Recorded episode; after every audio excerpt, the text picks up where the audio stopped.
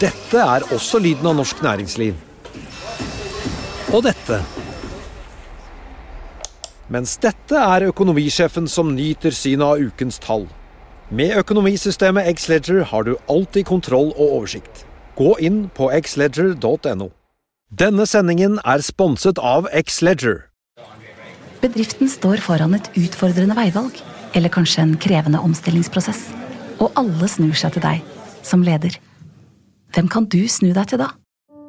I Nordea vet vi at også ledere trenger noen å spørre.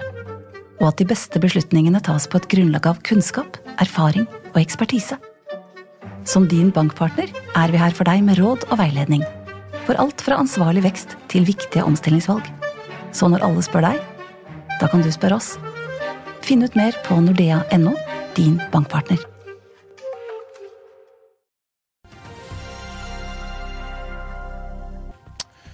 Dow Jones-indeksen er på vei mot sin beste oktober noensinne, mens markedet forbereder seg på en ny renteoppgang fra Federal Reserve. Og en tidligere Schibsted-sjef kjøper både aksjer og forbereder seg på å innta styreledervervet i Sikri. Det er halloween, og dette er Børsmorgen.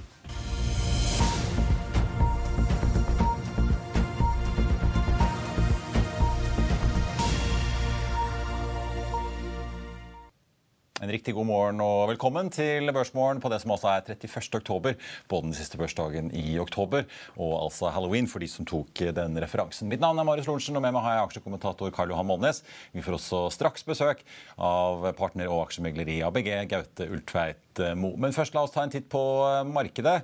For etter en oppgang på 2,9% i forrige uke, så venter DMA Markets at Oslo Børs vil fortsette å tikke oppover i dag 0,2% Nordnett ligger inne med et estimat på 0,6 på da det som har blitt en litt blandet børsstart i Asia, men da tross alt som fortsatt virker å leve på bølgen av en opptur vi så på Wall Street da på tampen av forrige uke. Nasdaq endte opp hele 2,9% fredag. Tett etterfulgt av der Jones som er opp 2,6 og SMP 500 opp 2,5% Flere av de store teknologiaksjene dominerte jo nyhetsbildet og markedet i forrige uke. Vi så Apple steg nesten 8% på fredag. Google-eier Alphabet opp 4,4, Microsoft 4 og Meta, tidligere kjent som Facebook, altså opp 1,3 mens Amazon suste ned 6,7 til. Nordsjøoljen er ned nesten en prosent eh, nå i dag, til 93 dollar og 20 cent i spotmarkedet. Den amerikanske lettoljen er omtrent det samme, til 87,50. Får vi tar unna noen nyheter som har kommet på eh, morgenkvisten. Subsea 7 har eh, fått det de beskriver som en betydelig kontrakt i Asia. Arbeidet starter umiddelbart. Offshoreaktiviteten for prosjektet er planlagt for sesongen 24-25. Og eh, det Subsea 7 da kaller en betydelig kontrakt, er på mellom 50 og 150 millioner dollar. Så fort en god gammeldags milliardkontrakt der, altså. LNG-selskapet Cool Company har vedtatt en ny utpolitikk der intensjonen er å dele ut selskapets frie kontantstrøm på kvartalsbasis. Selskapet varsler at det første utbyttet ventes for fjerde kvartal, med utbetaling da i første kvartal på nyåret. Vi får også ta med litt nyheter knyttet til Yara, nå som det var snakk om kornavtalen mellom Russland og Ukraina. Bloomberg og flere andre nyhetsbyråer, nyhetsbyråer skriver i dag at hveteprisene er på vei oppover etter at Russland da trakk seg fra denne eksportavtalen som styrte da korneksporten ut eh, gjennom Svartehavet. Men eh, med en oppgang på da snaue 6% så får vi da se hvordan det slår ut i Yara utover dagen. Og Så går Aker BP X utbytte i dag. Utbytte på kvartalsbasis er jo nå på 52,5 eh, dollar cent per aksje. Aker BP økte utbyttet sitt da i sommer. Under Q2-fremleggelsen sa de at det skal opp 11% Nå på Q3 så la de seg stabilt og endret ikke på utbyttet. Da har jeg fått med Karl Johan eh, Månes, aksjekommentator her i Finansavisen. God morgen, eh, Karl Johan. Flere kvartalsrapporter eh, på vei i dag, selv om det ikke er like stort som på fredag. Vi får Kraftbank, Wow Green Metals og Bank 2. Så det er jo litt som skjer i dag òg? Ja, men dette er jo ikke sånn. Eh, vi skal få renteøkning fra Fed, og det kommer arbeidsledighetstall det på onsdag, og så er det arbeidsledighetstall på fredag. Er store, og så er det valg i USA neste uke. Og så har vi hatt valg i Brasil i helgen. og nå har du fem eh, sosialdemokratiske eller venstrevridde ledere i de fem største økonomiene i Syd-Amerika. Bolsonaro er på vei ut, virker ja, det som? Ja, han, eh, han har tapt. Så, det, så, dette her er jo den Lim-alliansen som var der, den med bare konservative ledere. Det varte ikke så lenge. så det, Pandemien har tatt knekken på det. Så det blir, det skal spennende å se hva slags politikk det var. Jeg så det var 4% opp på en sånn ETF i Japan på Brasil. Og Brasil er jo dratt fram som et av de landene som eh, skal komme til å gjøre det bra den, eh, når vi kommer ut av denne nedgangskonjunkturen. Har masse ressurser. og eh, Korrupsjonen er jo fast. Det er jo Når det er lokalvalg, så stiller en kandidaten opp og sier at du må velge meg, jeg er billigere enn motkandidaten. Det er billigere å velge meg, jeg tar mindre.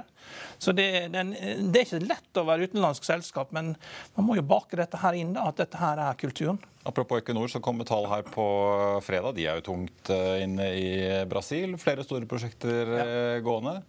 Der er det så store penger at jeg tror du klarer å unngå eh, korrupsjonen. For dette er så store penger at du, du, du kan ta det ut på å ta litt høyere kostnader. og det, Alle får betalt likevel. Da. Det, er mye verre når man skal bygge rigger og man skal til å gjøre investeringer. Så er det mye vanskeligere. Ja.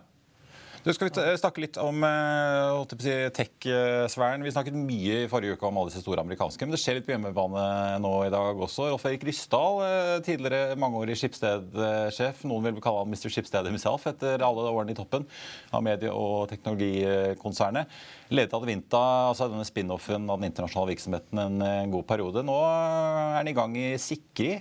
Jens Rugset-selskapet? Veldig bra for Sikri. Og han putter vel inn nesten 10 millioner kroner også mm, i dette. Så det, det blir sikkert bra. Det, og skal ja, ja. Blir styreleder? Styreleder, ja. Men, men én eh, million i Orkla, det, det, er mye mindre. Der er jo, han har kjøpt aksjer der òg? Ja, kjøpt aksjer i Orkla. Og det er mye vanskeligere å, styre, fordi at du kommer fra Skipsted. og Tradisjonelt sett så har du ikke hatt budsjetter der i det hele tatt. Og du har liksom hatt en veldig sterk Eh, markedsposisjon, der du har fått lov å eksperimentere og ta sjanser og bygge opp. og eh, Orkla er jo et helt annet løp, så det blir vanskelig for han å bruke sin spisskompetanse i å ta risiko og eksperimentere i den situasjonen du er i Orkla. Så det, det, det, det, er jo mest i sikre han vil tilføre verdi, og der har han putta inn ti ganger så mye penger som Mallorca også, det, og det er jo riktig da i, i den fordelinga. Sikri, eh, Sikri er den store vinneren på dette her.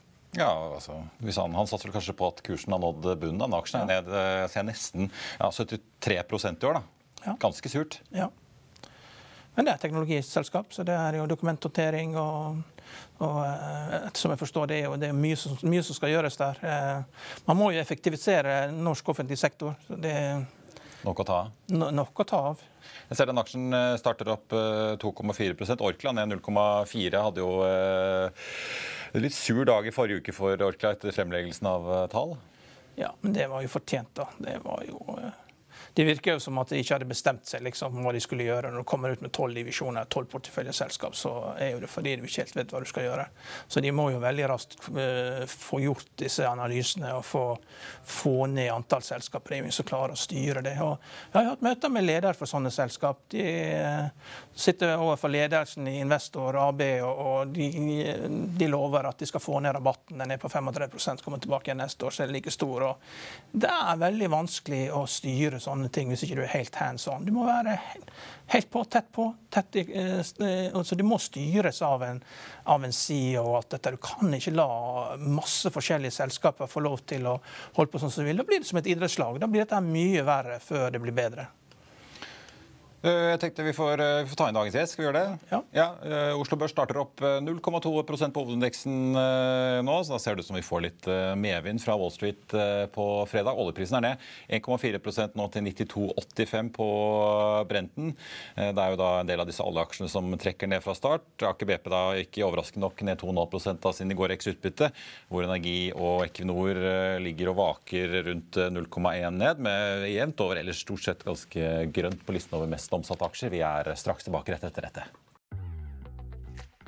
La oss i Finansavisen hjelpe deg med å holde deg oppdatert på alt som skjer i finans og næringsliv. Hver morgen er jeg, Marius Lorentzen, og aksjekommentator Karl Johan Målnes på plass i studio for å ta tempen på dagens marked i Børsmorgen. På ettermiddagen oppsummerer vi alt du trenger å vite i økonominyhetene, og så får vi selvfølgelig besøk av masse interessante gjester. Du finner oss på fa.no-tv eller ved å søke opp Børsmorgen og Økonominyhetene der du hører på podkast.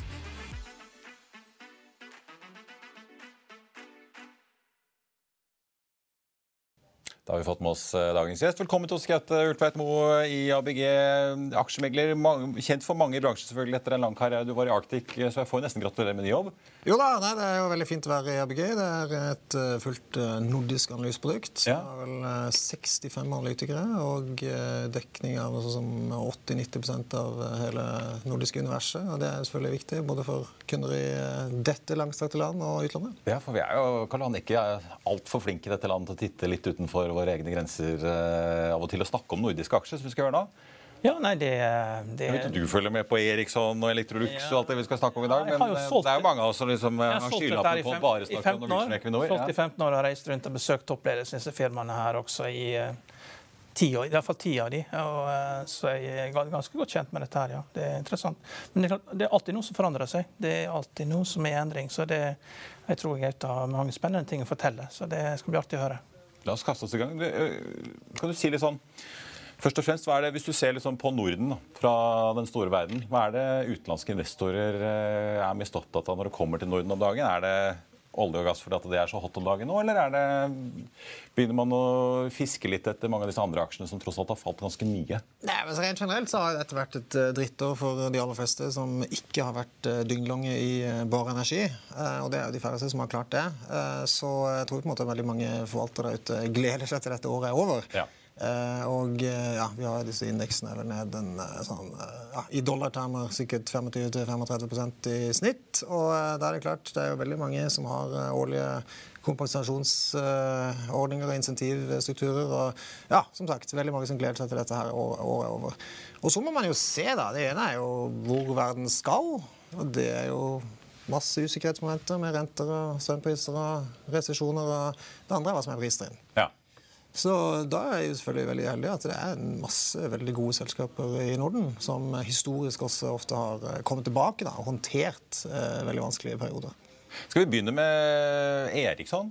Ja, det kan vi godt. Vi har jo snakket om, eh, Karl Det er ikke så lenge siden vi fikk tallene fra Telenor, og analytikerstanden der var jo egentlig enige om at eh, Telenor er billig. og Det er litt samme casen i Eriksson, Gaute?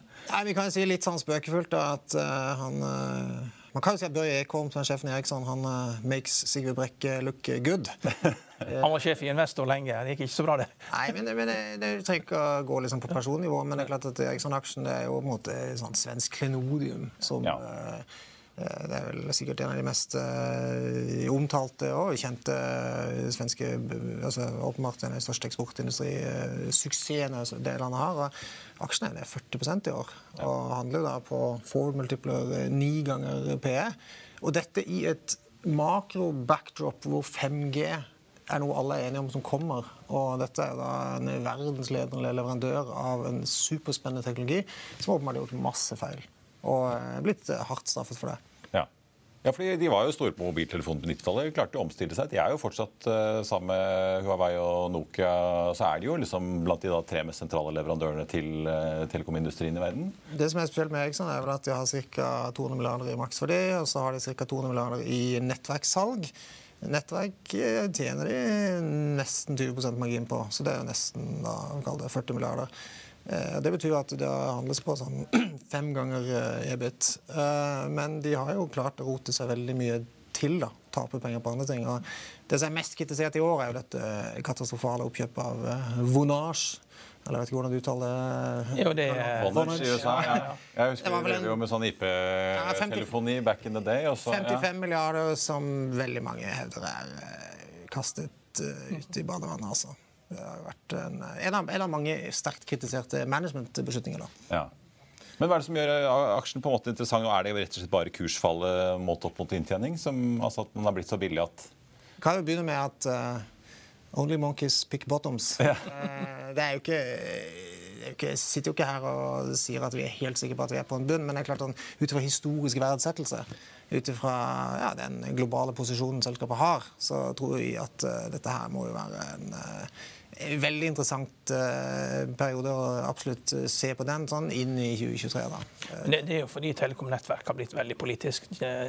Kina var jo et stort marked for dem, Russland et stort marked for dem. Og, det utsetter jo ting. Når du stopper globaliseringen, så stopper jo du også Eriksson. Det er jo ting tar tid, og 5G ser ut til å ta tid. Og når du får politisk du får en sånn politisk lag over. Du ser også statsledere i Ungarn går inn og kjøper telekomnettverk. Det blir statsledere ønsker å kontrollere nettverkene i sine land, så blir ikke dette så lett. Da, får du, da blir det da blir nøling med å investere. De, de, de, lever jo av at folk investerer. Men de får dra på hjemmebane, da? Jeg er litt uenig med deg, Karl. Ja. fordi de, Eriksson er et veldig snilt selskap fra et snilt land, som har en veldig politisk uh, medvind, faktisk. Ja. I og med at det har, som du er inne på, Huawei og CT er da, banda i ja. store deler av vestlige verden. Ja, for jeg tenkte å si, altså, Telenor og Telia kunne ikke kjøpe Huawei, så de måtte kjøpe Nokia eller Eriksson. og det har self-inflicted pain ja. vi snakker om her. Men, altså. men, du har jo også eh, altså Saab de har jo et sånt, de bygger jo sånn nettverksentrisk militært forsvarssystem. Jeg regner med det er eh, Eriksson-basert. Når Sverige går inn i Nato, så kan jo Eriksson da selge dette nettverksentriske systemet som de leverer til Sverige, også til andre land, fordi at man da helt klart er på den rette sida, mens enkelte amerikanere har lurt på hvilken side de har vært på. Nei, altså, som sagt så tror jeg Sverige regnes som et veldig veldig politisk uh, snilt ja, uh, ja. i vestlige øyemed-land. Uh, og uh, åpenbart sikkert for mye drahjelp fra den vestlige halvkule. Eh, skal vi eh, ta litt eh, bankaksjer og Gaute? Her hjemme vi, vi så DNB fikk jo ikke sånn kjemperespons på sine kvartalstall. Men bransjen har jo veldig gode tider. Hvis du ser på netto renteinntekter om dagen. Det er jo ikke bare nordiske banker, amerikanske banker. Du ser det tikker jo jevnt og trutt oppover med stigende renter. Danske Bank er en stor aksje som du har sett litt på, som jo tok en avsetning nylig på 14 milliarder uh, pga. Ja, var det 15,5? Ja. ja, 14 14 fra før. De hadde ja. en fra før, så ble det 14,5. Nei, men det er klart at På grunn av Nesland-skandalen, ja. Danske Bank har jo vært eh, en katastrofe. De, eh, aksjen kosta vel eh, noe sånn som eh, 260 kroner i 2018, og så er den jo på 130 nå. Så det er klart det er jo eh, fire fryktelig dårlige år, og det henger jo selvfølgelig sammen med den eh, veldig, veldig skitne eh, hvitvaskingsskandalen som de har vært gjennom i Estland. Eh, og så er det jo veldig mange investorer som rett og slett ikke har kunnet kjøpe aksjen. Jeg tror også det har vært store deler av banken som ikke har operert eh, med profittmaksimering, fordi at det har rett og slett vært så mye internt fokus å ordne opp i denne eh, pengeskandalen. Det som kom ut på torsdag, det var vel at de sa seg veldig sannsynlig at de kom til å få en bot på 15,5 milliard. Da hadde de satt av én, og så setter de av 14,5 milliard til. Eh, og Da håper vi jo at vi kan sette to streker under det svaret. At, den, at det ikke blir noe mer? Nei, nettopp. Ja. Og Da unngår de emisjon, og så kan de jo forhåpentligvis begynne å tjene penger igjen. Og så handler banken på prisbok 0,65. Norske sparebanker og DNB handler vel på ja, mellom 1 og 1,2. Eh, de, vi tror de skal klare en eh, roe på 9% burde kanskje handle på prisbok 0,9. Også en sånn ganske god opportunity, mener vi. i så Credit Suisse har jo ordentlig vært ute og kjøre i det siste og skal hente penger. Eh, så de har jo hatt noen sånne store bankkonserner som ja, det er annerledes. har vært på kjøre. Det er veldig annerledes. Ja, det er annerledes. historie. Altså, jeg skrev kommentar om eh, Danske Bank tidligere, og da var prisbok 05. og vi skrev, Det markedet har vært redd for, er jo at de skal miste lisensen til å handle i dollar. Men vi skrev vel det at dette er AP Møllers bank, og stopp, vi stopper på randen en krig. og eh, AP Møller bruker jo å stille skipene sine til disposisjon for eh, Nato, så tror de ikke det kommer til å skje. Og Det er ikke overraskende at man finner et kompromiss her på dette nivået her. og Eh, stor bot, det svir, og eh, så går man videre. Men så skal man jo bygge seg opp igjen her. Så det, jo, det, gjelder jo da å kjøpe den her ut av nedgangskonjunkturen. Vi er jo ikke over med den ennå. Så det er ikke noen sånn retail-aksjekjøp. Hvis hvis du er institusjonell investor og du må eie bankaksjer, så er dette her en blir det, kommer et tidspunkt hvor at det, du skal ta risikoen på kjøpere. Men eh, institusjoner er forsiktige. Da. De vil jo først se at dette her er vedtatt før de tør å kjøpe. for det, Ellers er du career risk. Du kan, dette er ned med 30 ja, Jeg lyst til pressemeldingen fra Department of Justice ja, ja. Eh, hvor det står en sum. Ja, Men det er helt klart dette her er eh, villig. Så da kan danskene begynne å bygge opp igjen dette her igjen. For de er jo flinke i business. da. Eh, så det gjelder jo bare å komme i gang igjen, slik at du får åpne opp alle linjer. Du får lov til å begynne å gjøre forretninger igjen der du tidligere ikke har fått da, gjort uh, forretninger. da. Ja. ja, nei, vi er enige der. Karl. Det er en uh, langsiktig god mulighet. Ja. Helt klart. Ja. Poenget mitt med Crazies var jo bare at kursfallet har vært ganske massivt, begge to. Ja, ja, ja åpenbart. Altså, ja. Litt forskjellige årsaker. Credit Suisse når de er ute i dag tidlig, de, det er 20 investeringsbanker som skal være med og uh, hente inn penger. Og da vet du at dette er ikke lett. Selv om du har fått uh, Ingen nordiske. Ingen nordiske. støttehjul fra Midtøsten med på kjøpet. Skal vi snakke litt grann, uh, konsum? Karl Anne, jeg har snakket mye om Orkla etter den nye planen som ble lagt frem her for ikke så lenge siden av den nye konsernsjefen Nils Selte. Men du har sett litt på Essity, Gaute, som jo er en eh, svensk sånn eh, forbrukerkjempe.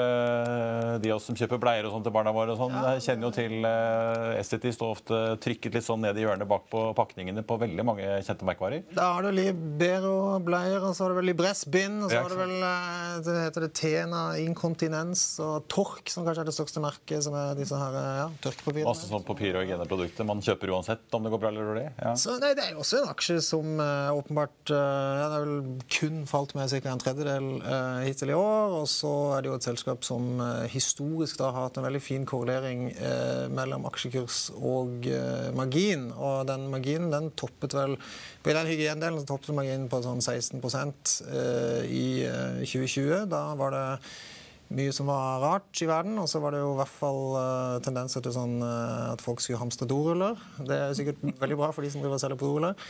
Nå er jo marginen lav, og det skyldes jo absolutt ikke uh, etterspørselen. fordi det er jo det som er fint. Det er ganske stabil, stabil, stabil, stabil etterspørsel etter doruller og bleier og inkontinensbind.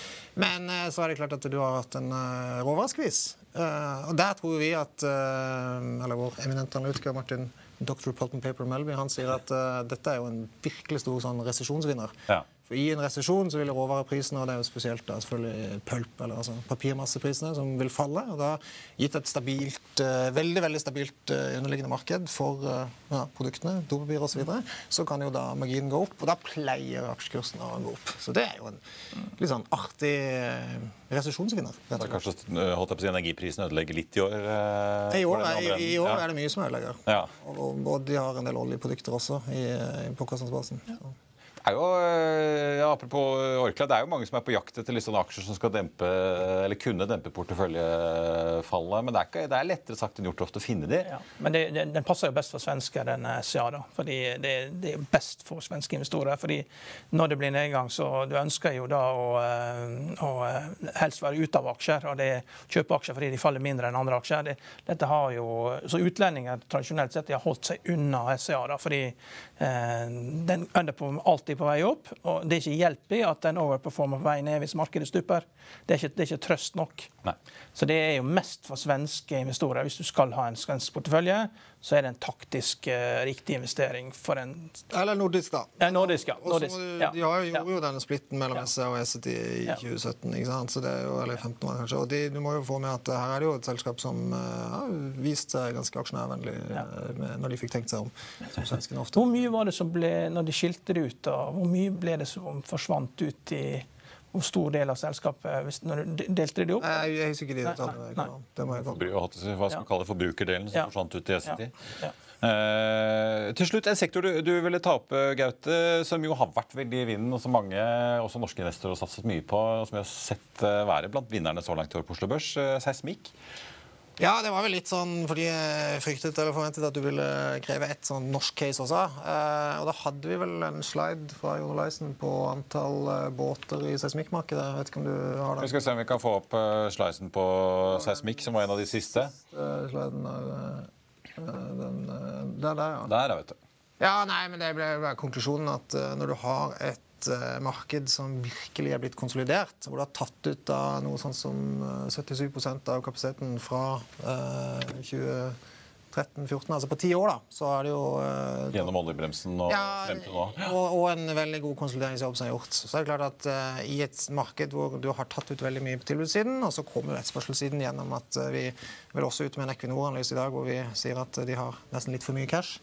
Vi er litt bekymret for hva de skal bruke cashen for, og vi ser at det gjelder det samme for alle globale oljeselskaper. At det er en, et fantastisk backdrop der for økende IMP-spenning, og seismikk er en vesentlig del av det. Her har du et marked som eh, har konsolidert, det har tatt ut veldig mye kapasitet. Det pleier jo å bli veldig veldig bra. Og Det er jo ve altså, veldig norsk i gåsehud. Det er TGS, det er PGS. Uh, ja, TGS har jo ikke båter engang, og det er Sharewater. Ja. Det er PGS og Sharewater som har båter. Ja. Det, det, ser jo helt fantastisk ut inn i 2023. Jeg så TGS ut med en stillingsannonse. Director havvind. Skal de begynne med sånn vindmålinger også nå? Er det det også? Jeg tror jo de aller fleste selskaper driver med kall det tilpassing til vår nye verden. Ja. Sustainability. Sustainability. For det, det, det finnes jo ikke sant? Det jo vindmåling på land. det finnes, det, Vestas viser jo vindmålingsrapportene og det er bra å være og sånn. og Det er jo et marked, det også. Jeg skal faktisk få besøk av den eh, nye energiløsningssjefen som de kaller i TGS eh, i Økonominyhetene senere i dag. og Ja. høre om eh, hva de skal leve av etter oljen. Ja. Men det er jo, eh, Spetalen var jo ikke sånn veldig bull på seismikk på investordagen eh, her om dagen. eh. Nei, han sa vel at han hadde sittet i styret i Han satt vel i styret i da. Spektrum, eh, Ja. og de prøvde jo å kopiere TGS, da, men det går jo ikke. Det, det går jo ikke, ikke sant? De har allerede Han sa han sitter i styret, seismikk tjener ikke penger, men det er veldig lett å si, da.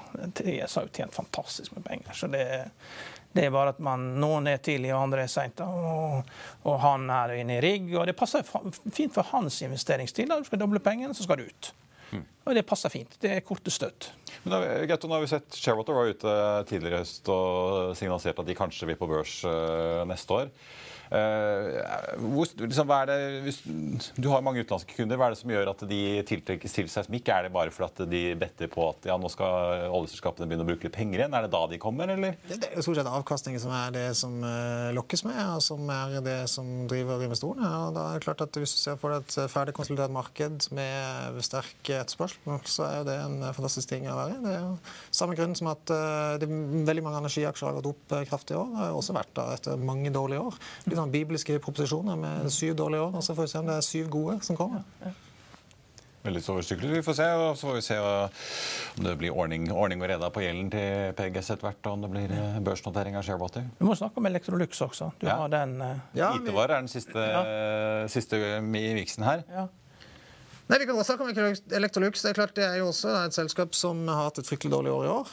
Eh, aksjen koster vel 260 kroner ved inngangen til fjoråret. og koster vel ca. 130 nå, så er det jo godt halvert. Eh, også på da EV Sales er vi nede på sånn 0,4. Og det er jo også faktisk et ganske stabilt underliggende marked. Eh, Jeg kikket på tallene, bare for jeg var litt redd for hva han skulle grille meg. Altså, i, altså, tallene var mellom 2007 og 2009, da, hvor det var, så var jo da omsetningen 104,7 milliarder i 2007 og 104,8 i 2008. Så det er klart Hvis den eh, vaskemaskinen din går Jeg vet ikke hvordan det er hjemme hos deg, men eh, hvis du har en sånn Min er fem år gammel, så jeg satser på fem gode ja, til. jeg. I hvert fall. Men det, du, du, du blir ikke så, det er ikke så lenge du utsetter det kjøpet. Nei. Det er eh, Når du først får en sånn vaskemaskin, tørketrommel eller oppvaskmaskin som røyker hjemme hos meg, det er veldig veldig kort tid fra den ryker til du trykker på knappen og kjøper ny. Så Electrolux er jo et sånn, egentlig litt sånn utility-selskap der òg. De har, selger vel ca. 60 millioner enheter i året. Så er det noe over 2000 kroner i snitt per enhet til Electrolux. en omsetning på en 120-130 milliarder eh, svenske kroner. Fryktelig dårlig år i år. Tjener ikke penger. Eh, Men vi tror jo da at en del faktorer. Spesielt stålprisene har jo kollapset fra årets høyeste nivå. i hvert fall. Eh, og da er det jo veldig fin sånn eh, sensitivitet da, at 10 lavere strålpriser gir eh, 900 millioner bedre i pre-tax profit. Og i og med at de hadde vel en pre-tax profit på 6 milliarder i 2021, og så blir det da 0,4 i 2022, så er det klart at det da tror vi at de er på god vei til å klare 5 milliarder i 2023. Og da er det en klassisk syklisk oppsving. Ja. Det er, jo, det er jo vanskelig å utsette kjøp. Folk kan kanskje tyne og reparere hvis de kan, men det er jo, det går, tusenlappene går fort du skal drive og reparere disse maskinene hvis de har gått stykker òg, da. Veldig konsolidert marked i Vesten etter hvert. da, så Du har liksom Samsung og Electrolux og LG, ja. Miele og Bård Siemens. Det er vel stort sett eh, den faste gjengen. Vi har jo sett at det er markedspotensial i Russland. da, De tar jo med seg vaskemaskiner hjem igjen. Så det er jo et udekket udekka behov i østlige Russland som eh, man må angripe når freden kommer. Ja, ingen kommentar. Men, eh, men, men, men, men det er klart at eh, Vi ser jo eh, akkurat som du sier, altså det er jo eh, ganske, de har gjort veldig mye bra på konsolidering. De har gjort veldig mye bra på nearshoring. Du kan ikke bygge vaskemaskiner langt unna og frakte det for dyre fraktkostnader. Så det har vært veldig mye sånn nearshoring til eh, typisk Øst-Europa. Så eh, det er i bunn og grunn eh, et eh, ganske veldrevet selskap i en tøff bransje på lav eh, verdivurdering. Men er, Hvis du ser på Norden litt bredere, da, det at det er så store kursfall i sto, altså store selskaper som da uh, Eriksson, og Electrolux og SCT, liksom, har Norden vært litt out of fashion det har vært usikre tider? At uh, kursfallet ble ekstra hardt for mange av disse store konsernene sammenlignet med hvis de hadde vært en stor tysk eller amerikansk aktør? Eller sånn? Nei, da er jeg vel enig med at det har vært stort sett dårlige aksjer i hele verden. Det har vært dårlig jevnt over? Jeg syns jo det blir eh, vanskelig å si at det har vært verre i Norden, men det er klart at er, vi syns det er gode muligheter nå, da. Ja. Det er vel heller budskapet. Så mm. jeg synes at ja. Det er en fordel når det er at det er ikke så mye amerikanske penger i Europa nå, som det har vært før. slik at Du får ikke noe massivt salg. Det driver jo ofte kursfall. da. Amerikanerne har gamblet i sitt eget marked. De har vært i teknologiaksjene. Det er der pengene har vært. Og, på Amazon og meta? Ja. ja, full guff på det. Og giring og NFTs og krypto og alt dette her. Så det, det, er ikke så mye Det er ikke så mye penger. Når man begynner å selge og realisere i USA, så er det blir ikke så mye salg her. Det, var mye verre før. Både i 2000-syklusen med Eriksson og Nokia, og, og også under supersyklusen når du hadde alle oljeaksjene. Og det var veldig mye penger i, i Norden investert på bakgrunn at du fikk også det emerging market-eksponering her. Så det, vi, vi, vi, har ikke vært så populære denne syklusen som vi har vært før. Det, men det kan jo forandre seg. da. Det kan komme et sterkt kom. Ja, Det er råvarebasert. ikke sant? Brasil og Norge kommer tilbake igjen i fashion. Ja, det er avkastning som er det viktigste. Ja. så Vi får satse på at det er gode selskapsledelser som gjør gode valg, og at det blir, uh, gjør det absolutt beste ut av denne krisen som vi er i. Ja. Ja. Vi får holde dem i øra. Gertur Tetmo, tusen takk for at du tok uh, turen innom. Veldig hyggelig å være på The Squawk Box of Norway. Ai, ai, ai, det er... Nå har du fått en venn forever. vet du. Jeg tenkte bare å ta med på slutten her Sikri Holding opp 8,8 etter meldingen om at eh, tidligere skipsredsjef Rolf Erik Rysdal da har eh, både kjøpt aksjer og er på vei inn i styret hvis generalforsamlingen tar valgkomiteens innstilling til grunn. Orkla så vidt opp 0,1% på en hovedvekst som er opp 0,2% På tampen tenkte jeg bare å runde av litt med hvordan det ser ut på markedet akkurat nå. Hovedveksten er opp 0,15% Så ser jeg at Pareto er ute og nedjusterer kursmålet på Quantafuel fra, 15, nei, fra 17 til 15 kroner gjentar en eh, kjøpsanbefaling. Det fremkommer da en oppdatering eh, da fra Pareto like før, får vi si, at Quantafuel kom med sine kvartalstall om ikke så altfor lenge. Pareto legger til grunn at Quantafuel må hente 1,7 milliarder kroner i egenkapital i løpet av da 2023, skriver de, ifølge TDN. Så kan vi jo bare da sjekke fort på Kantafuel-kursen. Den er opp da 2,4% Tenkte å nevne også Sjømatindeksen på Oslo Børs opp 3,2% så ganske hyggelig start for lakseselskapene. Ser bl.a. Movi eh, tikker opp 3,1% i dag. SalMar opp 4,3 Det er jo aksjer som har vært eh, mildt sagt volatile den siste tiden pga. politisk eh, usikkerhet om hva slags skatteregime som egentlig skal påvirke og prege denne bransjen. Sikri Holding da, opp 8,8% En av dagens eh, store vinnere, får vi si. Og også to andre tech-aksjer som gjør det ganske bra fra start. Asetek opp 4,3 og Idex eh, opp nesten ja, litt over 16% på Oslo Børs eh, nå. Ellers på listen over de mest omsatte aksjene så ligger Meltwater på topp med da så vidt opp 0,1% Equinor, som vi var inne på, og Vår Energi er også bitte litt Eh, ja, nei, ja, ligger nå Equinor ned 0,6 Aker BP ned litt over 3 da. De går eks utbytte, så den aksjen er jo eh, ned eh, en god del grunnet det. Vår Energi så vidt opp 0,2% Ellers er jo da Yara, som vi var inne på, ned 0,3 da, like etter at det ble kjent at, denne avtalen, at Russland trekker seg fra denne avtalen om korneksport via Svartehavet. Rundt oss i Europa ellers så ser det ut til at vi har en litt blandet start i dag. Svak ned i Tyskland Tyskland og Storbritannia og Frankrike fra start. Litt eh, bedre hvis vi ser i eh, Norden, der København og Helsinki-børsen tikker oppover fra start. Nei, unnskyld, eh, Helsinki er litt ned. Norden-indeksen ligger så vidt opp sammen med København. Ellers er Stockholm og Helsinki litt ned. Og så får vi også ta med da hovedindeksen, som ser ut til å holde seg med en pen oppgang fra start etter den oppgangen vi så på nesten 3% i forrige uke. Litt på tampen tenkte jeg også at vi må få med noen oppdateringer fra analytikerstanden. Jefferies har tatt opp dekning av Gjensidige, går ut med en salgsanbefaling fra start. Kursmål 1,58. Den aksjen eh, endte fredag på 1,9160. Og så har Jeffreys også tittet på Storebrand. Der tar de opp en dekning med kjøp på 89 kroner. Det er da en tier over aksjekursen på fredag. Kongsberg Gruppen er det flere som er ute og har gjort litt endringer på etter at de kom med et rekordresultat da på fredag. Det er flere som jekker opp kursmålene. ABG løfter sitt fra 350 til 400. Nordea, som var på topp med 400, går nå opp til 425. Og SEB tar sitt fra 350 til 375. ABG har også regnet litt på SR Bank etter deres tall. Mener at aksjen har falt altfor mye. Oppgraderer fra hold til kjøp. Kursmålet tar de fra 115 til 118, og den endte fredag på 104. Det er da ned 18% så langt i år. For å ta med Hexagon Purus, som kom med sine Q3-tall i morgen. Her eh, tok DNB Markets nylig opp dekning med en kjøpsanbefaling på aksjen på 22 kroner. Den endte fredag på 2030. Så må vi også avslutte får vi si, med litt olje. For vi snakket jo med Theodor Sven Nilsen i Sparebank1 Markets om Equinor etter at de kom med tallene sine på fredag. Han har i etterkant av rapporten nedjustert Equinor fra kjøp 4,25 til hold 4,05. Den aksjen ligger nå på 3,74,70. Så får vi jo ta med at eh, Konkurrentene til Equinor, Chevron og Exxon borte i USA, smalt ut med sine tall også på tampen av forrige uke. Overgikk estimatene og forventningene med god margin. Exxon eh, kom også med et stikk mot europeisk energipolitikk og skattlegging eh, allerede på side fem i sin kvartalsprestasjon. Og minnet om at Europa har sett sin olje- og gassproduksjon falle med 700 000 fat dagen siden 2018, og at raffineringskapasiteten er ned med en halv million fat dagen i samme periode.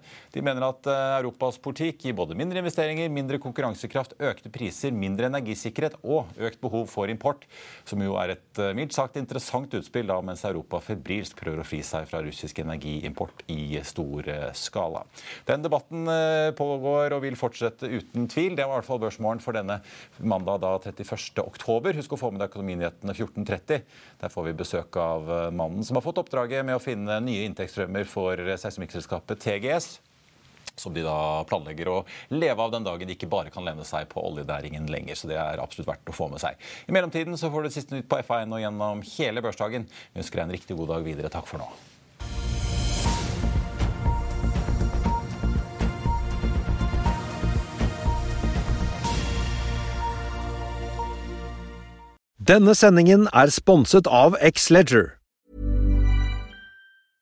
Imagine the softest sheets you've ever felt. Now imagine them getting even softer over time. That's what you'll feel with Bowl and Branch's organic cotton sheets. In a recent customer survey, 96% replied that Bowl and Branch sheets get softer with every wash. Start getting your best night's sleep in these sheets that get softer and softer for years to come. Try their sheets with a 30-night guarantee. Plus, get 15% off your first order at bowlandbranch.com. Code BUTTERY. Exclusions apply. See site for details. ACAST powers the world's best podcasts. Here's a show that we recommend.